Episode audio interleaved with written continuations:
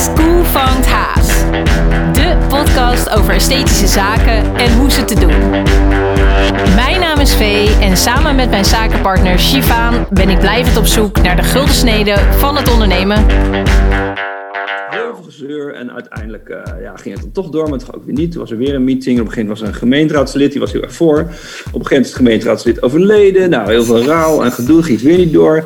Uh, een jaar later werd het weer opgepakt. Nou, toen toch niet, was er weer ruzie. Toen werd de commissie helemaal ontbonden. En uh, die, nou, de commissie liep boos weg. Toen was er weer een andere commissie. Nou, toen lag het op een gegeven moment een aantal jaar stil. Toen, op een heb ik het bijna weggesmeten. Ik nou, laat ik dan bewaren in de map oude projecten nooit gedaan. Toen opeens was er een dame die zei: Ja, ik ben nieuw hier en ik zag allemaal oude projecten nog. En uh, ik pak dat draad weer op. Ik wil graag met jou praten over dit, hoe is het gegaan. Nou, ding weer opgestart. Nou, toch niet. En wel. En dat ging maar door. En ja, weer een commissie weggelopen en weer iets en weer ruzie en dit en dat. Maar uiteindelijk was het zo: Oké, ik moet het beeld gaan maken. Toch wel. Wat jullie zojuist hoorden is het uh, schitterende stemgeluid van kunstenaar Hans van Bentum. Hij gaat straks alles vertellen over hoe het is om te werken als kunstenaar in de publieke ruimte. En dat is dan ook gelijk het thema van deze aflevering: kunst in de publieke ruimte. Sjaan, hoe was je week? Ja, was leuk. Ik heb echt superveel op locatie staan klussen. En dat vind ik altijd stiekem wel leuk. Een beetje handen uit te mouwen. Dus, uh, en ik heb allemaal hele leuke dingen gedaan. Vee, ja, Vee was met vakantie, dus ik heb allemaal geheime dingen gedaan. Die ik dan straks aan jou mag presenteren als je terug Ga je weer een soort hostile takeover van het bedrijf doen? Altijd als ik uh, even weg ben geweest. Maar verder, alles anders. We, hebben, we hadden allemaal het snot, dus ik ben, het was een rustige week. Oh, dus nou. uh, als ik nog een beetje nasaal ben of zo nu en dan, uh, dan spijt het me bij voorbaat. Oké. Okay. En heb je nog wat gevangen deze week? Nou, um, eigenlijk is er iets voor ons gevangen deze week. Oh. Uh, want uh, afgelopen week hebben we afscheid genomen van een collega. En uh, we hebben op ons kantoor een hele soort rare bonte verzameling van kunst en dingen die weg kunnen. En Brianne die had voor ons twee kaarsen standaard gekocht in de vorm van bananen. en ja, in de categorie is het kunst of kan het weg? Past het perfect binnen wat er allemaal staat. Dus het zijn twee, ja, het zijn twee kleine soort porseleinen bananenschillen waar je een kaars in moet zetten. En nou ja, het is echt helemaal. Ik heb helemaal zin al in uh, die uh, volgende fles wijn bij kaarslicht op kantoor. Oh, wat een lief cadeau. Ik heb ze nog helemaal niet gezien. Ik ben inderdaad lekker op vakantie geweest. Uh, gisteren nog iets te veel uh, gedronken. Met het, in het, met het idee van. Ik ben nog op vakantie. Mij pakken ze niet. Ja, dat denk je nu, maar vandaag pak ik hier. Ja, ja, ja precies. Nee, ik heb het al in de agenda zien staan dat ik Man, fuck up. Ja, uh, ik heb ook wat tofs gevangen.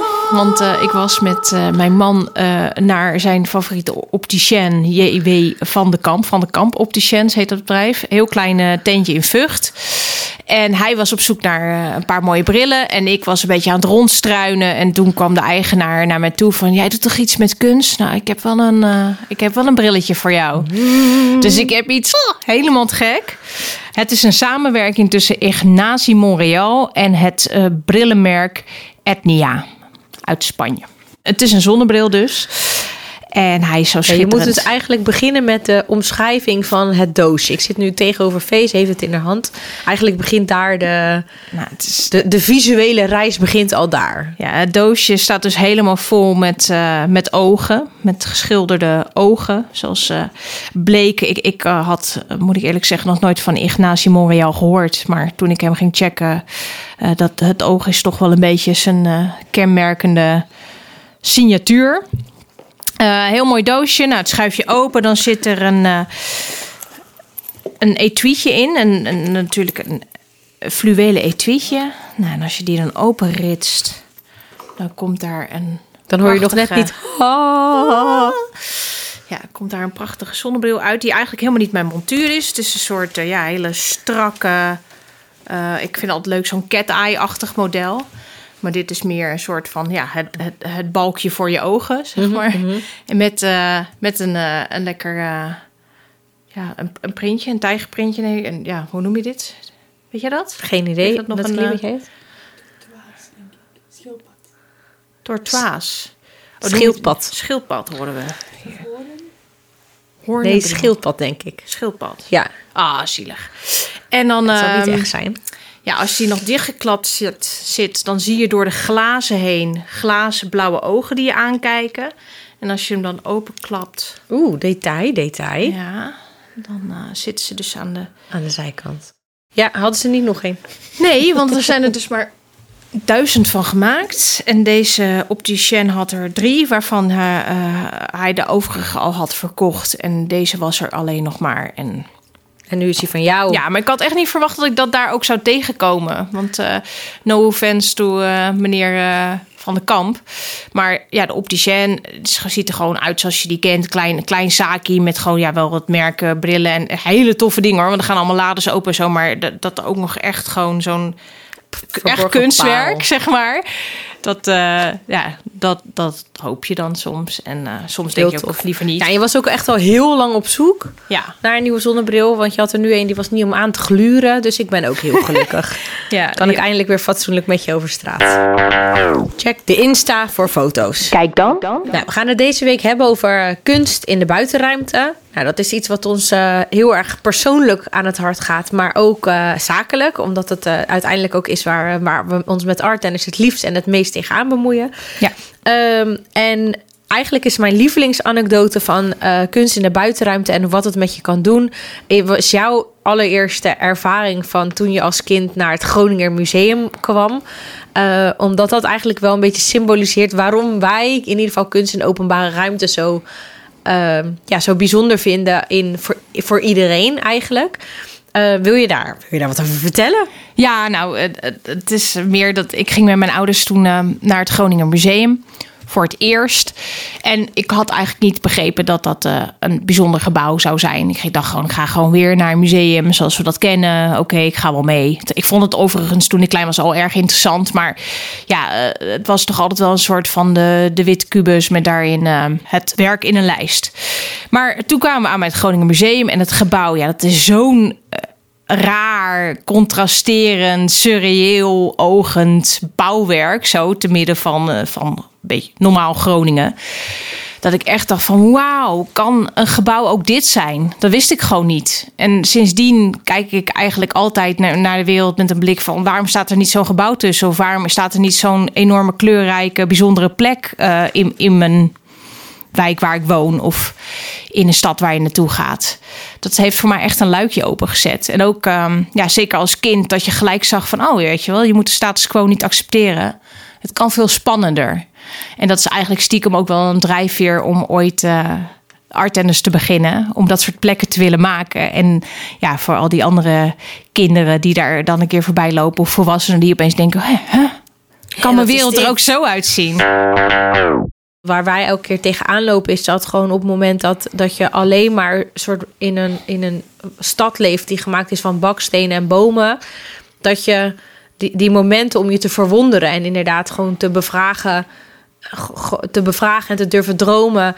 Uh, ja, dat, dat je dat eigenlijk wil prikkelen. Dat wij dat heel erg leuk vinden als je ergens bent en dat je denkt: hé, wat is dit nou? Die spontane verrassingen eigenlijk. En dat is denk ik voor ons wat, we, wat, wat wij, ons drijft. Ja, wat ons drijft, maar ook wat we bijzonder vinden aan kunst in de buitenruimte. Dat het dat in zich heeft om op een andere manier naar je, naar je directe omgeving te kunnen kijken. Of... Ja, want het is niet concreet meetbaar wat het dan oplevert. Maar het feit dat uh, voor mij, zeg maar, dat ik zo'n herinnering de rest van mijn leven meeneem en daar eigenlijk ook mijn carrière op baseer en uh, wat ik. Uh, ja, wat ik interessant vind en hoe ik kijk naar die buitenruimte. Ja, dat is wel gekomen door die, die ene ontmoeting. En dan kan er dus een vlammetje ontstaan. Ja, en als je weet dat dat kan, dan zou gewoon verplicht er in ieder geval in iedere stad één zo'n plek moeten zijn. Waar je voorbij kan lopen en kan denken: hé, hey, de wereld is creatiever en minder de template zoals ik hem overal maar moet accepteren. Ja, want kunst in de buitenruimte is dus niet zo simpel als je, je ik, ik, zie beeld A, ik koop het en ik zet het hier neer. Want vervolgens moet iedereen er wat van vinden. Nou ja, natuurlijk, als, uiteindelijk staat het dan bij ons in het straatbeeld. Nou ja, en mensen kunnen het mooi vinden of lelijk. Uh, dat mag, vinden wij. Ja, je hoeft niet alles wat in, uh, in de buitenruimte Nee, het is, geen decoratie. Om, ja, maar ook uh, ja, gewoon sowieso in het straatbeeld. Ja, je mag er dingen mooi en lelijk in vinden. Um, maar ja, vervolgens eh, heb je dus niet alleen dus te maken met dus wat, mensen er, wat mensen ervan vinden... wat mensen hun smaak is of niet... maar ook super veel praktische dingen... waar mensen eigenlijk niet... Ja, als je er voorbij loopt, heb je er niet echt feeling mee... of besef wat een pad het kan zijn om daar iets te maken. En ik zou ook zeker me afvragen bij ieder werk... wat, had het, wat was de eerste schets? Ja. En dat is ook wel grappig. Vanaf moment één naar zeg maar daadwerkelijk realiseren, dan kan het opeens een heel ander kunstwerk zijn geworden. Uh, of een heel andere ja, plek. Uh, maar ja, goed, dat, dat zien wij dus. En uh, dat is dus ook zo dat dus veel van die trajecten echt jaren duren. En dat er iedere keer weer iemand anders achter het gordijn vandaan komt... die er toch weer wat van moest vinden. En die dan toch heel belangrijk blijkt te zijn. En of het nou is dat er uh, uiteindelijk door de brandweer... ergens tien brandweerwagens moeten kunnen worden neergezet... omdat dat echt heel belangrijk is voor die ene enorme ramp... die mogelijk kan plaatsvinden. Ja, je moet soms met de meest uitzinnige uh, zaken rekening houden in de uh, unlikely event dat het ook daadwerkelijk zou gebeuren. Maar wat ik wel misschien wel interessant vind is met kunst en openbare ruimte. Ik denk heel vaak bij dingen die ik zie, is het kunst of kan het weg? Ja, ik ook. En waarom denk je dat? Nou, omdat uiteindelijk is het ook je is het ook mijn persoonlijke smaak. Ik heb echt niet bij alles wat ik zie in de buitenruimte dat ik denk: oh, ik ben echt, uh, ik vind echt dat dit er, ben blij dat dit er is. Ik heb ook echt heel vaak dat ik iets voorbij zie komen dat ik denk: Jezus, moet dit nou, moet dit nou hier? Wat, uh, of dat ik het gewoon lelijk vind, of dat ik niet snap waarom het er is. Uh, ja, dat gebeurt me eigenlijk echt best wel vaak. En dan, ja, gewoon onze eigen slogan: is het kunst of kan het weg? Dat, die pas ik daar dan wel toe moet ik zeggen, dan vind ik ook sneuvelen er bij mij ook wel veel dingen. Ja, maar dat maakt dus wel dat het een drijfveer is voor jou en voor mij om uh, een soort uh, antwoord weer op die plekken te geven. Ja, en een soort tegenkunst. Vanuit onze visie of ons perspectief te laten zien hoe wij het dan zouden doen met uh, kunstenaars die wij tof vinden. En voor ons, wij vinden bijvoorbeeld heel belangrijk dat de plekken die we maken, dat die echt met toegepaste kunst tot stand zijn gekomen. En nou, we hebben ja, het al eerder gezegd, autonome kunst, daar is al een hele wereld voor. Met musea en met dat. En dat is ook fantastisch en perfect. Houden zo. Maar wij vinden het heel interessant om te kijken hoe we plekken waar initieel niet eens over eh, kunst toepassen nagedacht uh, zou worden. Om die dan, uh, om die partijen die daarachter zitten, die te overtuigen om daar juist wel dat component uh, in mee te koppelen. Ja, en dan in ons eigenlijk het Groningen Museum is daar dan weer een soort voorbeeld bij uitstek van. Want daar moest gewoon een gebouw komen. En de, uiteindelijk is daar dus ruimte gekomen om dat gebouw door een kunstenaar te laten maken. Ja, maar dat is natuurlijk ook wel omdat het een museum is. En dan mag er vaak al meer. Hè, want dan past het goed in het culturele hokje. En wij vinden het heel fijn om de kunst ook uit dat cultuurhokje te trekken. En uh, opeens uh, ook als je het hebt over gewoon een ja, de, de crowd control of het uh, bepalen van een specifieke route door een gebied. Of weet je wel, juist hele functionele zaken. Speeltuinen. Ja, om, om die um, ontmoetingsplekken om die met kunst uh, te overzausen. En wat gebeurt er dan? Ja, eh, als je kijkt naar een ontwikkeling van uh, nieuwbouw, dan zie je vaak de artist impression van de architect zie je gewoon letterlijk vertaald worden. Hè? De, gewoon uh, de strakke lijnen, vaak de mannelijke vormen, heel geometrisch, de, de, hele um, ja, kleurloze materialen als het ware. Veel beton, ijzer, grijs. Maar ja, waar is dan de menselijke maat in zo'n gebied? En de humor, vraag ik me ook altijd af. En een beetje contrast, een beetje, schuring. Ja. Ja, en dat vragen we ons echt geregeld af. En als je daar dan weer een, uh, een, een werk, een soort stilistisch werk van een uh, de, de, de welbekende metalen krul neerzet, ja, wat doet dat dan voor je gebied? Ik denk dat jij daar dan heb, over hebt: is het kunst of kan het weg? Ja. Van de why. Weet je wel, natuurlijk, het is een prachtig object en een, een mooie vorm enzovoorts. En in het Krullenmuller in de beeldentuin zou het ongetwijfeld fantastisch tot zijn recht komen. Maar waarom staat het dan specifiek in, op die plek? En wat doet het dan voor die plek? Ik ben, ik ben ook wel benieuwd naar wat andere mensen vinden over is het kunst of kan het weg. Kunnen we niet een, uh, uh, op de Insta een soort uh, reeks met kunstwerk in de openbare ruimte, waar we onze eigen mening Pol. dan niet over uitlaten? en dan dat, dat, ja, we zijn wel benieuwd. Wat vinden jullie? Kan het, kan het blijven? Kan het weg? Als je zoiets op je stoep zou hebben, zou je dan blij worden? Of denk je, jeetje, nou dat zet maar bij, verkoop maar aan het oud ijzer en Doe maar, doe Mijn mij maar een persoonlijke mening is dat het in principe gewoon altijd er moet kunnen zijn en dat het gewoon moet blijven. Want als je zeg maar, als dat je basis is, dan kan je ook altijd nog een soort verwonderd zijn door de dingen die je wel echt aanspreken. Dus je moet wel een beetje het compare to what ding hebben. Ja, die dus metalen mogen- krullen zorgen ervoor dat in ieder geval onze werken altijd een soort van pop. hey, wauw, weet je. Dit, Nou, er zijn ook mensen die metalen krullen heel mooi Ja, vinden. nee, daarom. Daar en moet het ook gewoon zijn. verwonderd blijven en dan denken, oh, wat zou dit zijn? Ja. Maar wij vinden, wij zijn wel echt van mening dat kunst in de publieke ruimte, dat moet gewoon heel inclusief zijn. Dat moet gewoon een groot publiek moet er een soort van in eerste instantie iets van kunnen vinden. Nogmaals, lelijk mag. Eh, mooi is, eh, is, is fijn.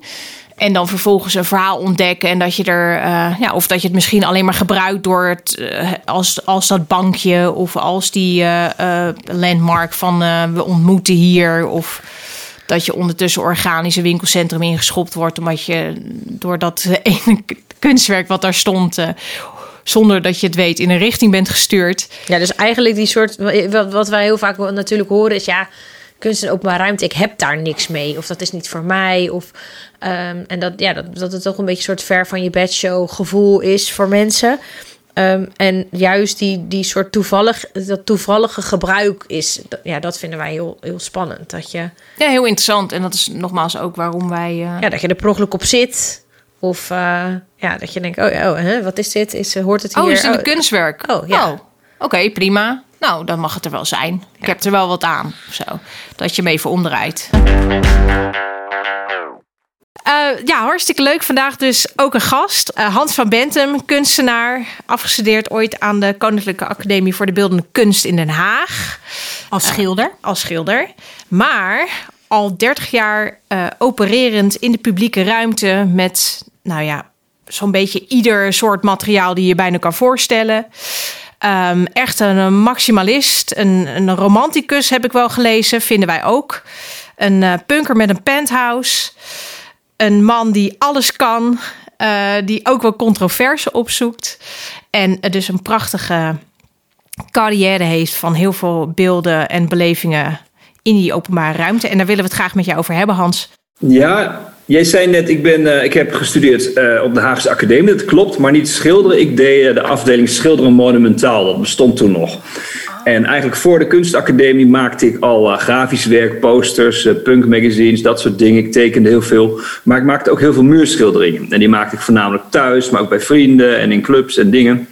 En ik zag eigenlijk het muurschilderen als een vorm van kunst om de, de kunst naar een groot publiek te brengen. Zoals je vaak wel uh, muurschilderingen ziet in, uh, ja, als activistisch medium. Uh, muurschilderingen met een politieke boodschap. Muurschilderingen waar, waar in conflictgebieden. Mm -hmm. Dus dat was heel erg mijn insteek. Dat ik dacht van, dat vind ik een mooie, een mooie manier van kunst brengen. Niet alleen naar een publiek wat de musea en de galeries toch wel weten te vinden. Maar de kunst naar iedereen toe brengen, naar de buitenwereld. Dus ja, maar ik wilde toch wel graag een klassieke opleiding. Ik dacht, ik moet nog een hoop leren. En uh, ik kom meteen eigenlijk door van de middelbare school naar de kunstacademie. Dat is eigenlijk nog wel te jong om dan al uh, in de wereld te springen. Dus ik begon op die Haagse Academie. Maar in eerste instantie was dat heel schools. Ik kreeg echt les in eh, modeltekenen en bla bla bla. Dus daar baalde ik van. Dan begon ik eigenlijk al een beetje bij te klussen. En bijvoorbeeld weer muurschilderingen te maken in coffeeshops en zo. En ik stond op punt de academie te verlaten. Ik dacht van nou, ik kon zo goed verdienen met die coffeeshops. En nog een uh, zak wiet cadeau van de eigenaar. Ik dacht, dit ga ik doen. Ja, we binnen, maar toch volgehouden. En ik ben eigenlijk blij dat ik die academie heb afgemaakt. Want het is toch goed om, om, om door te zetten en die kunstwereld beter te, te doorgronden. En uh, ja, dat is eigenlijk de essentie van uh, het schilderen monumentaal geweest. En op die academie is het eigenlijk van 2D naar 3D gekropen, het werk. Oh, al tijdens de academie. En waar had, dat mee te, waar had dat mee te maken? Met het nou, dat is eigenlijk een, uh, ja, dat is misschien wijken we ontzettend af, want ik lul natuurlijk gewoon een end weg. Maar uh, uh, dat had te maken met een opdracht die ik ook deed. Naast de, in de academietijd deed ik allemaal opdrachten om geld te verdienen, om aan mijn verf te komen. En ik deed een opdracht voor een restaurant van een oom van mij, een Jugendstil restaurant. En ik moest enorme Jugendstil dames schilderen. -huh. lente, zomer, herfst, winter van Alfons Muga, nageschilderd in olieverf. Dus lito's die normaal, weet ik veel, 50 centimeter hoog zijn. Die heb ik tot 4 meter hoge schilderijen gemaakt. Dag en nacht aan het schilderen. Helemaal fantastisch. Maar toen kreeg ik een schilderfrustratie. Ik dacht, ja, als ik dan doorga met schilderen, dan moet het ook zo. En dan moet ik ook echt modellen hebben en hyperrealisme en weet ik veel. Prachtige zwieren, zwaait, jugendstil, alles. En eigenlijk vluchtte ik toen in, in timmeren en knutselen. En, en leraar zei ook van ja, ga toch door met schilderen. op die afdeling monumentaal leer alleen maar figuur zagen. Wat heeft dat voor zin? Maar ik vond een enorme vrijheid in dat ruimtelijke. En ik begin, begon met hout en gips en metaal. En dat vond ik zo fantastisch dat eigenlijk ja, ik zo van het doek af wandelde. En na de academie kwam daar keramiek bij. En toen had ik het helemaal gevonden. Want keramiek is eigenlijk net als schilderen. Het is ook smeuig. Ik bedoel, net dat je verf op een doek smeert. Alleen je smeert de klei in drie dimensies. je hebt een ultieme vrijheid. Je hebt niet een basismateriaal zoals bij hout of staal. Een, een stuk staal, een plaat of een buis. Nee, je hebt gewoon amorfe massa, modder. En daarmee uit het niets creëren. Dus dat is hetzelfde als een wit doek met niks. Eh, een totale driedimensionale lege ruimte en dan met die eh, smerige klei. Dus daar vond ik eigenlijk mijn, eh, ja, daar viel alles bij elkaar. Ruimtelijk schilderen. ook het, het, gebruik van kleur op driedimensionaal materiaal middels glazuur, wat eigenlijk gewoon een soort glas is. Glas aangepast om om op te kleien, gebakken te worden. En die kleur heeft ook een soort kleurechtheid forever. Dus waar muurschilderingen snel heel erg verloederen. Dus muurschilderingen worden vaak ingezet om een buurt op te leuken. Maar ze verloederen zo snel, dan ziet een buurt er toch en veel graffiti eroverheen. wordt het juist armoeig. Terwijl mooie keramieke beelden en mooie keramiek en wandreliefs en tegels, noem maar op die kleur blijft dus uh, forever, forever. Ja, dus ook eh, mede door je perfectionisme ben je dus een soort van 2D naar 3D gegaan. Maar daarin kwam je er ook achter dat je dus voor eeuwig jezelf kan uh, manifesteren op die materialen. Ja. En dat, uh... Wat natuurlijk ook weer super relatief is, want op een gegeven moment ben je bezig met eeuwig en dan denk je, hoezo? Er was ook een periode dat ik dacht, van, eeuwig, ik zet die dingen neer. Mijn god, mensen komen er nooit meer voor af. Wat doe ik? Wat doe ik, wat doe ik de planeet aan?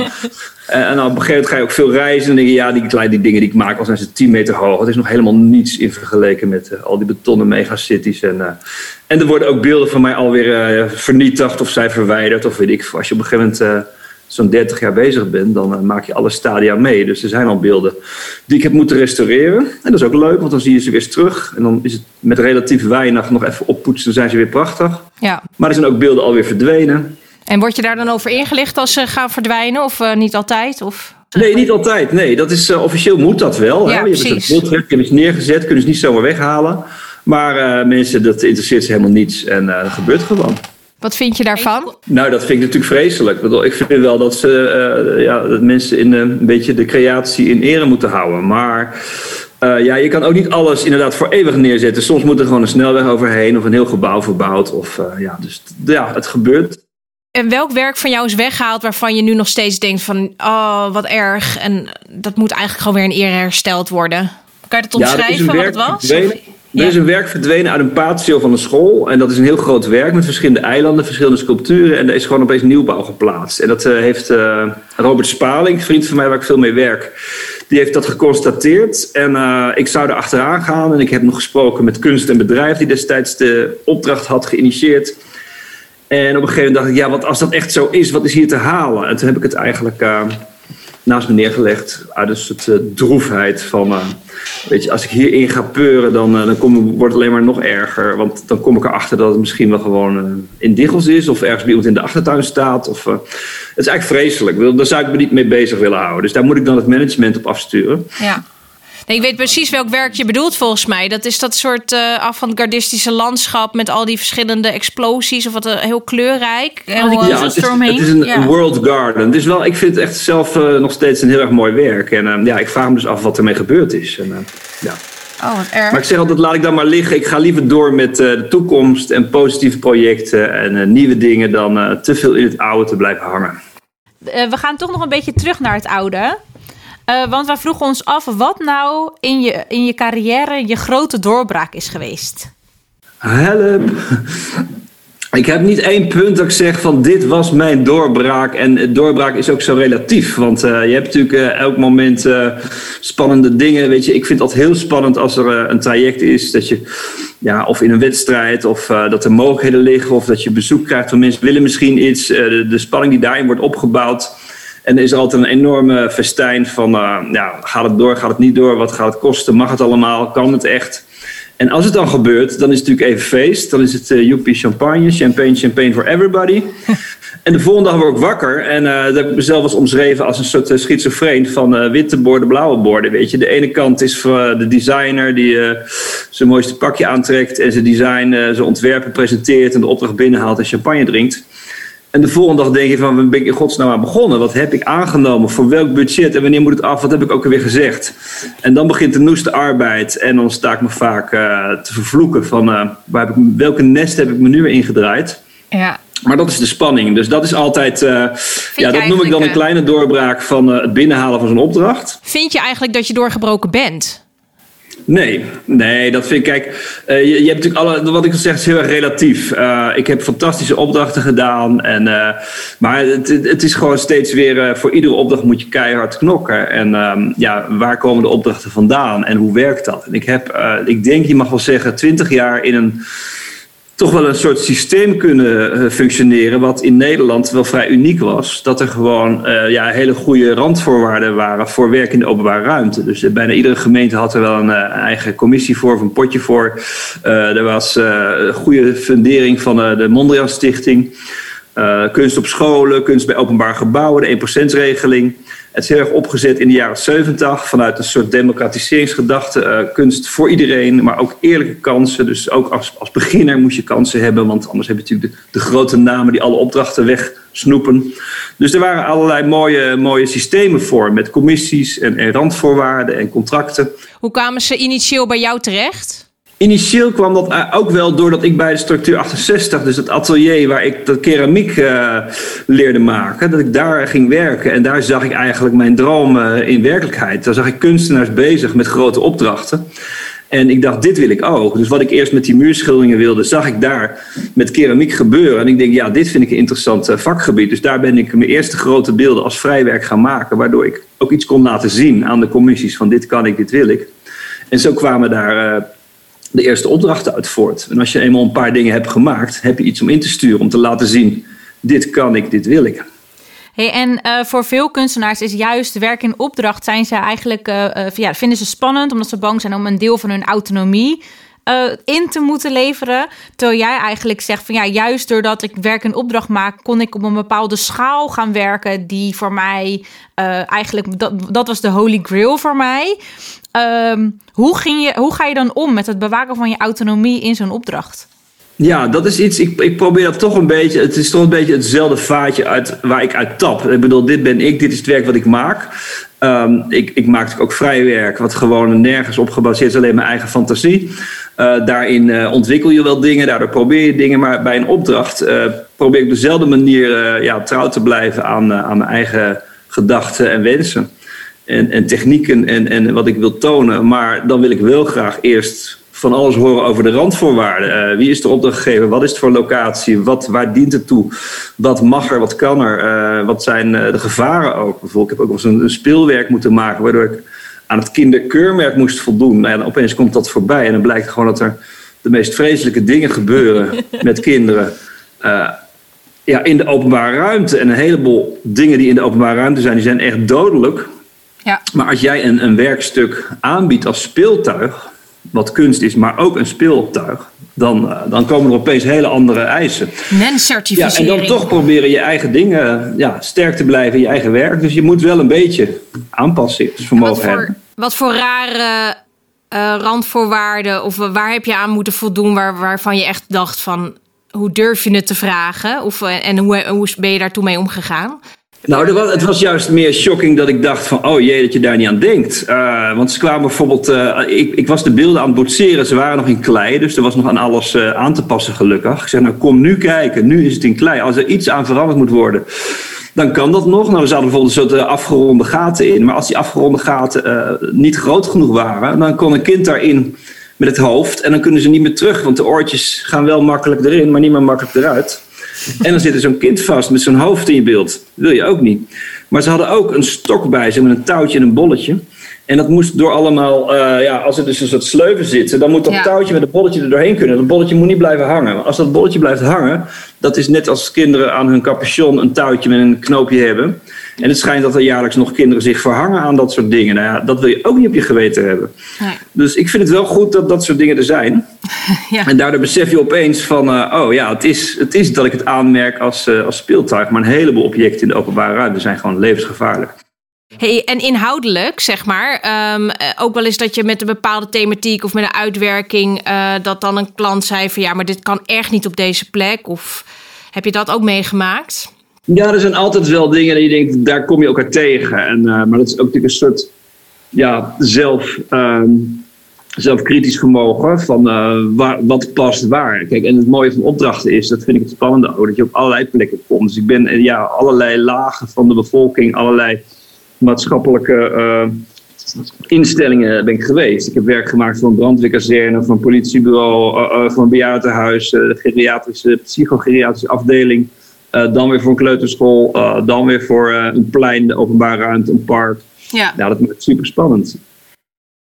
Maar is er ook wel eens tegen je gezegd van leuk dat je dit hebt bedacht en we hebben het al eerder ja opgezegd, maar het moet toch helemaal anders, want de, de kleuterschool die heeft liever geen vallen symbool in zijn achtertuin of eh, Nou ja, dat bedoel ik. Kijk, die vallers die maak ik natuurlijk wel in mijn vrije werk, maar die, die wil ik niet per se bij de kleuterschool inschuiven. Eh, forgive me the pun. Ehm, you know what I mean. Not, Ja. not wink, wink, say no more, say no more.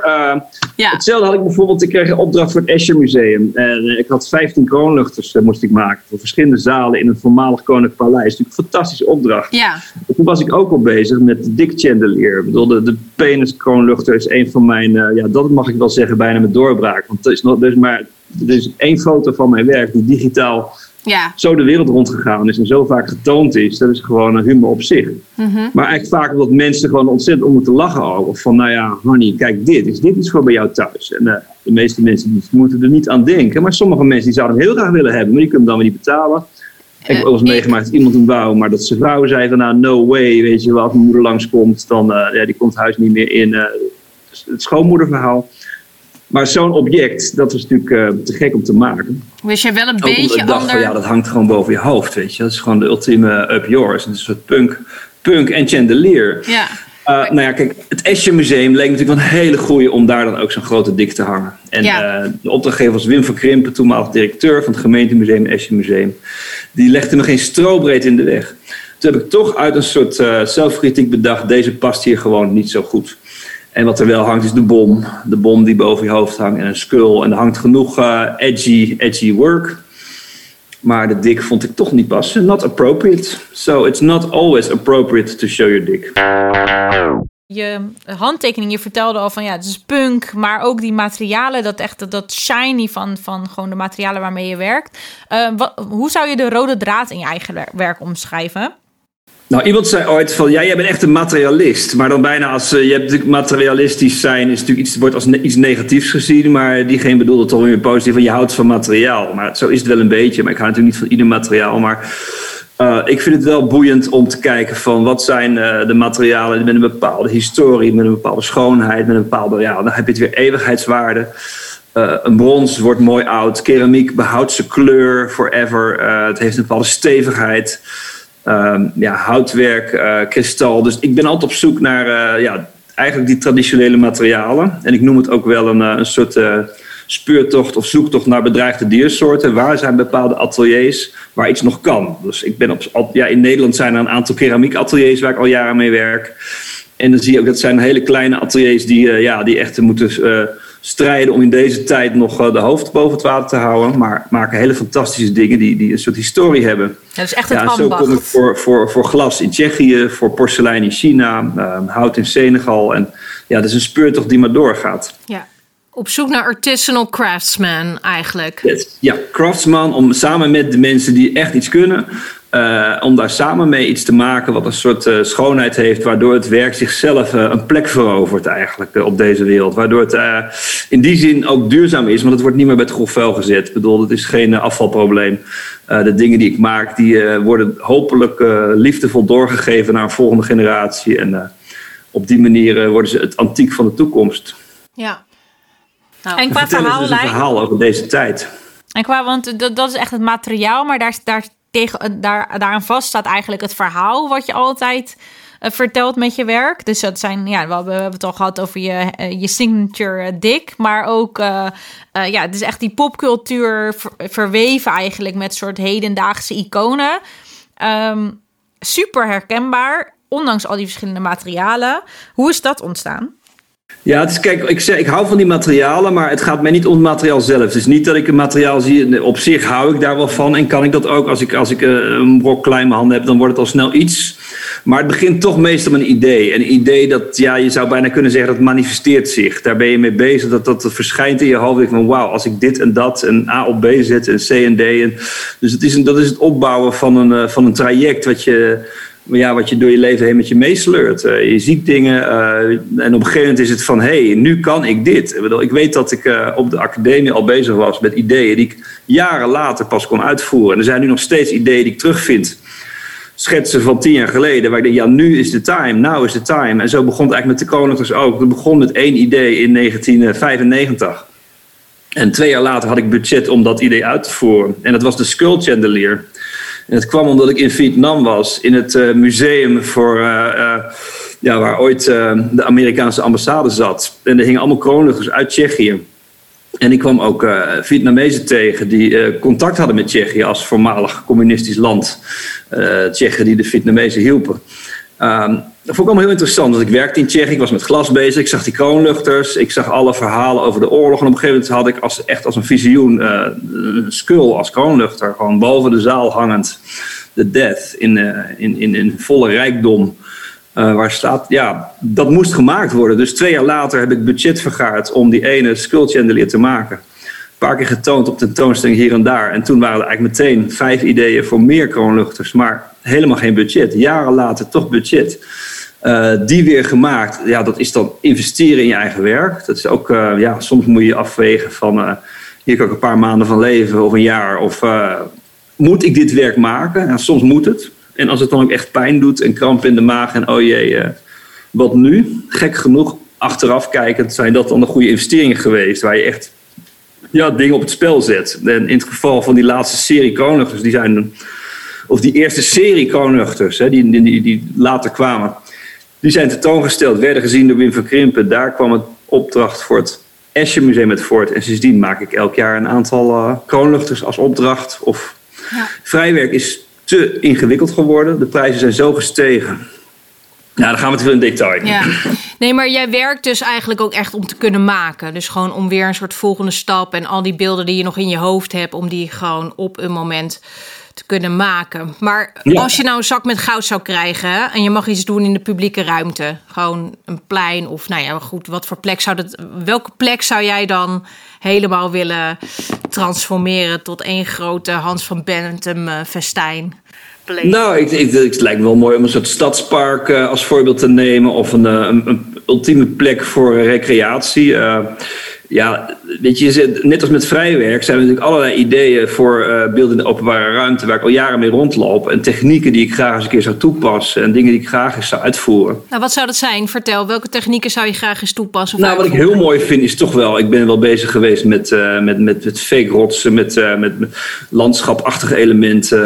ik zou heel graag verder gaan met bronsfiguren. Ehm, ik ben met een Chinese vriend in Beijing bezig geweest met plannen voor het scannen van mensen. En dat uh, vervolgens uh, 3D uit te werken en daar bronsfiguren van te maken. Uh, lijkt mij mooi om die bronsfiguren misschien als een soort uitnodigende personages in een rotsformatie te plaatsen. met groen en beleving en water. Dus een soort ultieme paradijselijke stadsoase te creëren. Uh, aan de andere kant, uh, ik heb ook ideeën voor, maar dat is meer binnenruimte voor uh, kristallen nirvana's, kristallen bomen met water- en lichtspel. het, kan, het kan natuurlijk groot en, en het kan natuurlijk. Er zijn geen, geen beperkingen aan je fantasie.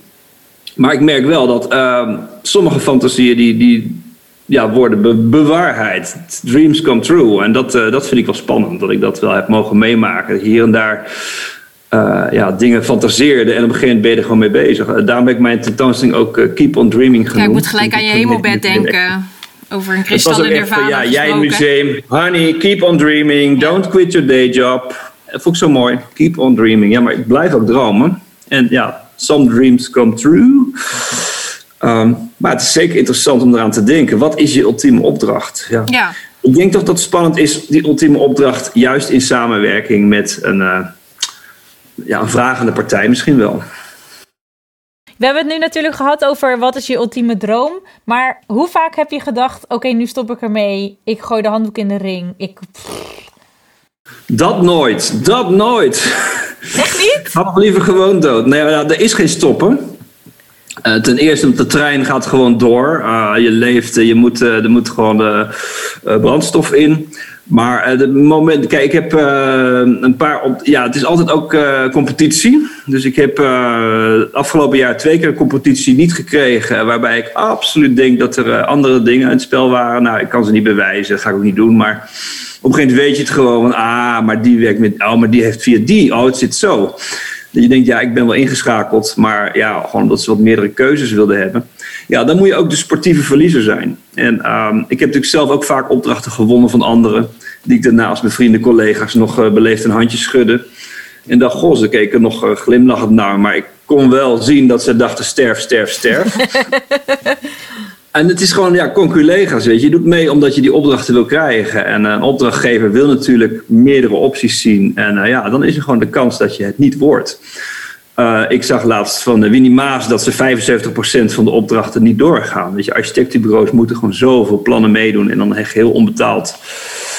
Maar goed, als je dat een paar van dat soort dingen, dan heb je toch heel veel tijd in zitten die je ook had kunnen besteden aan vrij werk of leuke dingen doen. En je moet het natuurlijk wel proberen, want dat is die, die, die wortel die je voorgehouden wordt van een mooie nieuwe opdracht.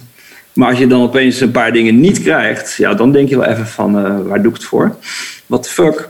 Maar dan merk ik wel dat die, uh, dat voedt bij mij ook weer een strijdlust. Dan denk ik van ja, kom op, uh, ik doe het ook gewoon uh, voor mezelf. En dat ik dan weer lekker in het vrije werk kan storten. En daar wou ik eigenlijk naartoe, met een enorme omweg. Dat het vrije werk er altijd is. En ja. het vrije werk, dat hoeft niet zozeer altijd monumentaal te zijn. Dat kan ook kleiner werk zijn. dat kan ook voor exposities zijn of gewoon zelfs in een schetsboekje. Maar dat kan ook wel weer een heleboel mogelijkheden geven voor later. Daar kan je weer dingen in uitwerken die, als er dan wel weer een mooie opdracht is, of een budget, of een tentoonstelling, of een subsidie, om te investeren, dan kan je wel weer flink, uh, ja, daar kan je uit putten. Ja, en dan kun je eigenlijk het, uh, het ei wat je niet kwijt kan in die, die specifieke opdrachten, kun je daar verder in ontwikkelen. En nou ja, eigenlijk alvast niet altijd, een beetje nerdje voor voor zo'n opdracht ga je natuurlijk heel specifiek aan de slag. En dat is dan vaak zo uh, maatwerk dat je dat dan toch wel uh, naast je neerlegt. En daar zit dan een heleboel energie in iets wat, wat never will be. En, uh, maar dat zijn ook interessante dingen om, om na een paar jaar weer eens terug te zien. Weet je, ik heb dozen vol van dat soort oude schetsen liggen. En denk wauw, oh, dat was best mooi geweest. Stel je toch voor. dat was leuk geweest. Pech voor hun. Ja, Jammer. Hey, en heb jij een advies voor een maker die heel graag in de buitenruimte zou willen maken? Van waar zou die moeten beginnen? Nou, wat ik merk is dat het heel belangrijk is, is toch wel presentatie, maar ook wel kennis van zaken. Dus uh, je kan van alles presenteren en vervolgens kan je het helemaal niet maken. Je kan natuurlijk tegenwoordig heel makkelijk 3D op de computer even een fantastisch beeld voorstellen. Nou, dat gaan we even doen. Maar dan blijft het gewoon bijna de inzien in te storten. Of uh, weet je, het levens, als je iets maakt wat je echt denkt, oeh, dat zit niet helemaal goed vast, maar vooruit. Uh, dat blijft je jarenlang achtervolgen en uh, dat kan je gewoon niet, uh, niet hebben. Dus je moet je materialen goed kennen, je moet weten hoe iets werkt, wat de budgetten zijn. het moet goed gefundeerd worden. Nederland heeft een drassige grond. Papier maché houdt niet buiten, dus dat is niet echt bestandig tegen regen. en ik, ik werk veel met professionele bedrijven, onder andere Zuliani. En de oude heer Zuliani, hij is helaas, helaas overleden. Een Italiaans ja. bedrijf ja. die, die ooit naar Nederland kwam met uh, terrazzo en granito en die zijn helemaal in de kunst gegaan. Nou, ze vertelde, hij vertelde bijvoorbeeld een verhaal van een kunstenaar die had voor een opdracht bij een ziekenhuis, uh, een soort aanrijroute voor het ziekenhuis, had hij bedacht, nou, leuke grote soort fruitmand voor, uh, voor het ziekenhuis. Nou, wat wil je nog meer? Je neemt de fruitmand mee naar de zieke. Maar hij had helemaal geen zin om dat goed te maken. Die dacht, ja, ik maak ze van polyester. Uh, ik voor piepschuim met een laagje polyester. En hoe zet je dat dan vast? Nou, dan had hij gewoon uh, wat metalen pennen en dan prikte hij die uh, druiven en appels op. Nou, bij de eerste beste windje, stormbui, ja, tuurlijk. rolden de kersen, appels en bananen over de weg het verkeer in. Oeps. Ja, dat soort verhalen, dat, daar ja, natuurlijk ontzettend heeft lachen. niet leer je geholpen wel. nu, kan ik je vertellen. Dat soort, eh, zeg maar, dat soort eh, eh, verhalen hebben niet echt ge- bijgedragen aan hoe ontwikkelaars en mensen die dit soort opdrachten geven nu denken over werken met kunst, zeg maar. De Precies, aanname is nou ja, altijd daar hoofdpijn. klunsen meemaakt. Dat Ja. is, en dan natuurlijk het bekende beeld van de kunstenaar, natuurlijk een soort alcoholistische randenbeeld die een beetje lekker aan het klooien is in zijn atelier. Ja, ga je die dan echt eh, serieus iets laten neerzetten voor de buitenruimte? Maar ja, daar leer je heel veel van. En, en kijk, dat kan je niet meegeven aan mensen die beginnen, eh, want dat is ervaring, dat moet je opdoen. Dat leer je ook helemaal niet op de academie. Nee. Maar je kan tegenwoordig natuurlijk wel goed jezelf inlezen in- YouTube, hoe werken materialen, eh, informatie opdoen. Ja, of gewoon zorgen dat je met arttennis werkt. Ja, precies. Zoek de juiste mensen bij de juiste klus. Ja, zeker. Nou, ik wil nog even zeggen, je had het over eh, doorbreken en doorbraak. Zo. Ik denk- ik- Daarom wilde ik eigenlijk ook zeggen van nou, iedere opdracht is een kleine doorbraak en is een feest op zich. En het is hartstikke mooi dat je dan zoiets hebt en een eer om dat te kunnen doen. Eh, maar het zijn, en dat hoort een beetje, dat is wat ik wel wil meegeven aan mensen die in de openbare ruimte willen werken. Eh, het zijn vaak one-night stands. Je hebt een opdracht en vervolgens gaat de opdrachtgever natuurlijk, als het bijvoorbeeld een gemeente is, die gaan niet tien beelden van jou neerzetten. Die willen een collectie samenstellen en die willen diversiteit daarin. Dus dan ben je één keer aan de beurt. En eh, zo heb ik ook voor de mooiste collecties chronicles mogen maken. Of bij mensen thuis. En dan vervolgens zoeken ze daar nog weer wat anders bij.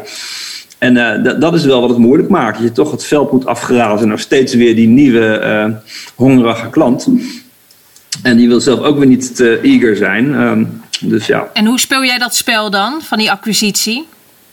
Ja, eh, nou dat is een beetje het, punt waar ik nu sta. Dan we het ook wel, ik ben wel 30 jaar bezig. Eh, dan merk je op een gegeven moment van ja, je bent niet meer eh, jong, nieuw en hip. En we hebben nu te maken met weer een heel nieuw, nieuw beeld in de kunstwereld. Er zijn absoluut enorme veranderingen geweest. Dus die hele kunst in de openbare ruimtesector is eigenlijk een beetje wegbezuinigd. Eigenlijk voor de vorige crisis al. Was het politiek al een dan van liever meer geld voor blauw op straat en voor de zorg. En kunst is toen heel erg wegbezuinigd. Daarna kwam de crisis van 2008 tot 2014. Toen zijn een heleboel kunstinstellingen ja, bij gemeentes en noem maar op zijn wegbezuinigd, weggeschrapt. Eh, ja, langzaam krabbelt dat weer op. Nu de- gaat de corona eroverheen. Ehm, in die zin is er heel veel veranderd. Ik heb ook bedrijven waar ik mee gewerkt heb zien, zien verdwijnen. Eh, kunst en bedrijven was een hele belangrijke partij we prachtige opdrachten mee kunnen doen. Ja, die zijn er gewoon mee opgehouden, min of meer. Dat is allerlei redenen weer. Maar ja, dingen veranderen enorm. Eh, die, die openbare inschrijvingen, waar, waar, waar toch wel een kans werd gegeven aan iedereen, daar, daar, daar zijn mensen grotendeels mee opgehouden. Het gaat nu veel meer op uitnodiging. Eh, dan komt het er weer een beetje aan eh, op wie ken je. Of wat vindt de commissie op welk moment van belang? Hè? Wat zijn politieke eh, ehm, ja, redenen? Nu is natuurlijk heel belangrijk diversiteit in de kunst. Nou, daar ben ik ook heel erg voorstander voor. Dus eh, in die zin eh, zijn er altijd nieuwe, nieuwe, nieuwe richtingen gaande. En eh, ja, wat doe je daar zelf aan? Ik zeg wel, ik ben daar momenteel hard mee aan het werk. Ja, en keramiek is weer helemaal hot and happening natuurlijk. Ja, dat is ongelooflijk. Want toen ik daarmee begon, was dat absoluut niet zo. Eh, en dat was ook niet zo heel erg coming, wel voor de openbare ruimte, omdat het gewoon heel geschikt materiaal is. Maar als vrij werk, werd niet zo serieus genomen in de kunstwereld. Het werd toch een beetje gezien als eh, pottenbak en eh, leuke hobby. En het grappige is dat, ja, dat dat gewoon natuurlijk altijd weer... je, je weet nooit uit welke hoek het komt. Ik heb wel eens gegrapt dat macramé de volgende hippe stap is. En inderdaad, what's happening now? Wandkleden en monumentaal macramé is toch helemaal, helemaal fantastisch. Glas heeft ook zo'n soort... eh, ja, loopt nu een beetje achter keramiek aan. Uh, ik zocht die materialen juist op omdat ze uh, natuurlijk een, wel een klassieke schoonheid hebben. Uh, wel al heel lang meedoen in de wereld van ja, decor, maar meer als decoratief werden gezien. En niet als gebruik voor de vrije kunst. Dus het leek me juist boeiend om dat juist die vrije kunst in te trekken. En dan zie je dat dat gewoon uiteindelijk opgepikt wordt. En wanneer komt die limited edition? Oh, de, limited edition. De multiples, ja, daar ben ik altijd een beetje in mijn achterhoofd mee bezig. Maar dat gaat nog wel komen. Ik ben nu uh, door de corona-situation natuurlijk... Uh, ja, ik ga heel vaak naar het buitenland om te werken. Veel in China, veel in Tsjechië, uh, Senegal, noem maar op. Dat kon natuurlijk al afgelopen anderhalf jaar helemaal niet. China gaat denk ik het komende jaar ook niet lukken. En wie weet wanneer weer wel. Ik heb een hele serie werk, die staat half af. In Jing de Zen. Bij het bedrijf Wang Long, waar ik een fantastische werkrelatie mee heb, maar kan ik gewoon even niet heen. Uh, ik ben bezig voor een serie uh, kleinere werken kristal, die je misschien in een Chinese soort trendy gallery winkelachtige situatie worden uitgezet. Um, ja, dus er liggen allerlei hengeltjes uit. Maar er wordt even niet gereisd. Dus ik ben voornamelijk bezig in mijn eigen atelier en in um, een keramiekatelier in Nederland bij Norman Trapman. En daar ben ik een aantal opdrachten aan het uitvoeren, maar ook nieuw vrijwerk aan het, uh, aan het doen. En daar Leuk. komt ook wel een, de multiple uit. Nou, we zijn benieuwd. We kunnen niet wachten. Ja, en wanneer wordt er nieuw werk voor jou in de openbare ruimte gelanceerd? Want je zegt, ik ben aan het werken aan een aantal opdrachten. Ja, we zijn een groot beeld aan het maken voor. Uh, dat, dat, daar doe ik bij Norman maar een paar onderdelen voor. Maar het wordt een enorm beeld voor uh, Amsterdam. Uh, gemeente Amsterdam samen met havenbedrijf. En dat komt aan de rand van de stad, zeg maar, waar haven en stad elkaar ontmoeten. En dat is mede door corona flink uitgesteld. Maar dat is eigenlijk alleen maar goed. Want door het uitstel heb ik meer tijd om het nog mooier te maken, nog meer uit te werken. En uh, stap voor stap wordt dat groter en groter. We hebben ook een subsidie van het AFK erbij gekregen, Amsterdamse Fonds voor de Kunst, waardoor ik nog meer kan investeren in de materialen. En dat is, ja, dat is een beetje nu uh, eigenlijk het afgelopen jaar uh, de kurk waar het op drijft. Hè? Want je kan natuurlijk allemaal dingen willen en kunnen, maar je moet ook door kunnen financieel. En dan is dit gewoon fijn om zo'n opdracht te hebben waar je, waar je echt je tanden in kan zetten. Ja. Maar los daarvan is het ook een ding waar ik in maat en verhaal, uh, ja, mijn verhaal echt in kwijt kan. Het wordt echt een, een, een heel, heel mooi verhalend beeld. Bonusvraag.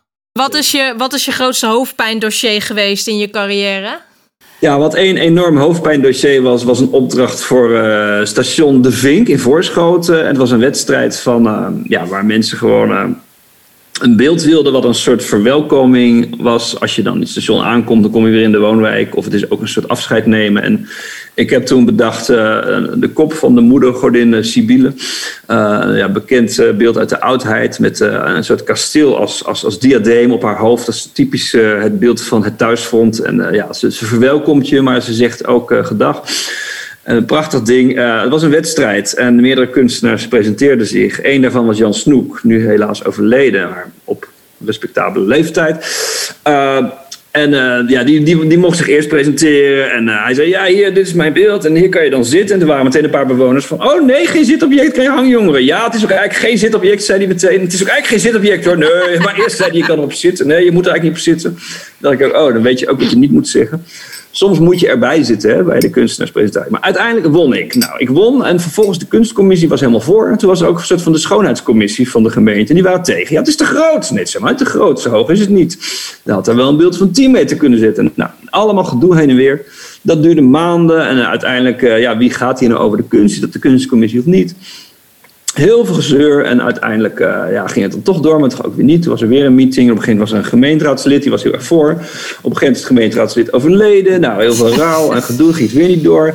Uh, een jaar later werd het weer opgepakt. Nou, toen toch niet, was er weer ruzie. Toen werd de commissie helemaal ontbonden. En uh, die, nou, de commissie liep boos weg. Toen was er weer een andere commissie. Nou, toen lag het op een gegeven moment een aantal jaar stil. Toen, op een heb ik het bijna weggesmeten. Ik nou, laat ik het bewaren in de map oude projecten nooit gedaan. Toen opeens was er een dame die zei: Ja, ik ben nieuw hier en ik zag allemaal oude projecten nog. En uh, ik pak dat draad weer op en ik wil graag met jou praten over dit, hoe is het gegaan. Nou, ding weer opgestart. Nou, toch niet en wel. En dat ging maar door. En ja, weer een commissie weggelopen en weer iets en weer ruzie en dit en dat. Maar uiteindelijk was het zo: oké, okay, ik mocht het beeld gaan maken. Toch wel. Ben ik het gaan maken, keramiek, helemaal dit en dat. Hoeveel jaar waren we inmiddels verder? Ja, dat, dat, dat moet ik echt uh, de archieven erbij halen. Maar uh, een paar jaar verder. Mm -hmm. Er waren misschien al vijf, zes jaar verder. Nou, jaren. Uh, in ieder geval uiteindelijk, uh, toen het beeld dan klaar zou zijn en bleek dat ze, ja, ik zou het dan plaatsen zonder fundering, maar op een soort plaat van beton, dat zou helemaal kunnen. Maar nee, toch niet. Dat werd weer in twijfel getrokken, moest weer alles opnieuw, alles opnieuw berekenen. Daar was dan weer geen geld voor. Uh, nou ja, het ging maar door en dat heeft 14 jaar geduurd. Van, van de eerste dag dat ik gevraagd was om een ontwerp te maken tot het beeld er stond. Want het is er nu wel, het bestaat. Het stond er, ja, het is uiteindelijk gekomen. Toen kreeg ik, uh, toen was ja, ik had ook okay, niet eens, ja, het was echt zo'n druilerige gedachte dat niemand, ik had amper mensen uitgenodigd voor de onthulling, die ja, kan je mensen ook niet aandoen. En uh, er was toen een taart gemaakt met een plaatje van het beeld op de taart. Nou, het stond heel ziek met een gemeenteambtenaar die taart te eten. En uh, ik met een bos bloemen en een fles zure wijn in mijn eentje op de trein terug naar huis. Helemaal doorregend. Dan denk je echt triest. Ja, het staat er wel. En ik rijd er vaak met de trein langs. Oh, ze staat er nog, Sibylle. Wat leuk. Ik ben toch trots op. Oh, wat goed. Nou, dit is wel echt uh, een goed verhaal, denk ik. Van, uh, je moet wel ook een lange adem hebben als je in de publieke Zeker ruimte weten, wilt ja. werken. Want Je moet erin geloven. here you Ja, go. want toen ik het beeld op een gegeven moment ging maken, toen was het zoveel jaar later. Dus dan denk je, dan ben je dus eigenlijk een oud werk aan het uitvoeren. En dan sta je er dan nog achter. Maar gelukkig had ik er nog wel eh, zin in. En ik heb wel een aantal dingen aangepast. De manier van glazuur en de manier van versnijden. Er zitten een aantal dingen in. Ik denk, ja, daar, daar, daar zitten een aantal punten die ik, eh, die ik heb kunnen benutten om het voor mij eh, actueel en eh, zinvol te maken. Waar gaat de kunst heen in de openbare ruimte? Weet je, wat ik net vertelde van hoe dat hele veld is veranderd. Hoe dus mijn, eigenlijk mijn, ja, mijn beroepsveld, als het ware, in de korte tijd dat ik meedraai, helemaal is omgeturnd. Dat wat is opgebouwd weer is afgebroken. Dat er weer nieuwe dingen gebeuren. Ja, het is, het is super dynamisch. En aan de ene kant maar goed ook.